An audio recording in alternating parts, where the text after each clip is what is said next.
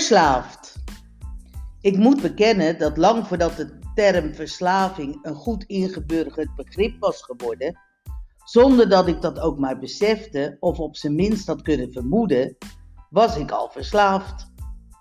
Een op de televisie vertoonde documentaire over kinderen die soluties snoven, het vertrouwde plakmiddel voor lekke banden, bracht mij vele jaren later tot inzicht.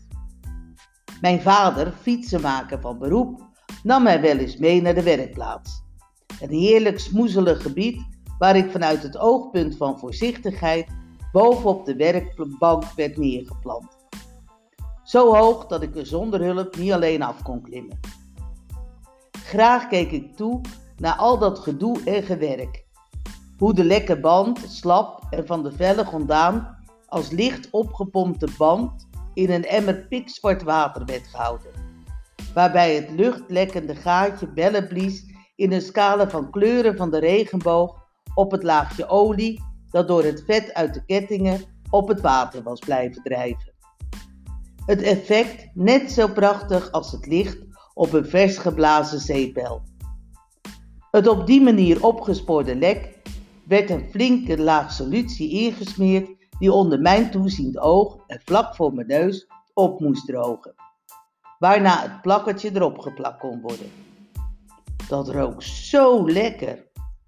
Diep inhalerend snoof ik nog eens extra een beetje van de solutie op.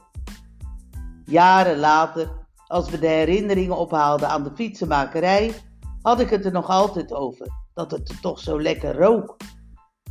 Totdat op die bewuste tv-avond voor eens en voor altijd de schellen van mijn ogen vielen. Junk van het eerste uur. Verder leverde het hebben van een fietsenmaker als vader niet veel voordelen op. Wij hadden net als andere kinderen ook fietsen. Andere fietsen, dat wel. Nooit een normaal model of één in een gangbare kleur. Nee, vader bouwde onze fietsen zelf. Met het wiel van een oude step, het frame van een bakfiets en de voorvork van een sportfiets.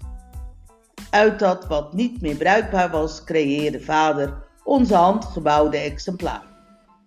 Geverfd in een ondefinieerbare kleur, verkregen uit alle restjes verf, ongeacht de kleur, met terpentine vermengd en kwastbaar geroerd. Afgevlamd met een brandende kaars en verguldsel dat met kerst gebruikt werd voor het schilderen van de dennenappels in de boom. De fietsen beschouwden we als kunstvoorwerpen, meer dan voorwerpen voor dagelijks gebruik. Ze trapten zonder uitzondering allemaal veel te zwaar en spoorden ook niet, zodat zelfs zonder tegenwind ze niet vooruit te branden waren. Eindelijk op tienjarige leeftijd kreeg ik dan een fiets die ergens op begon te lijken.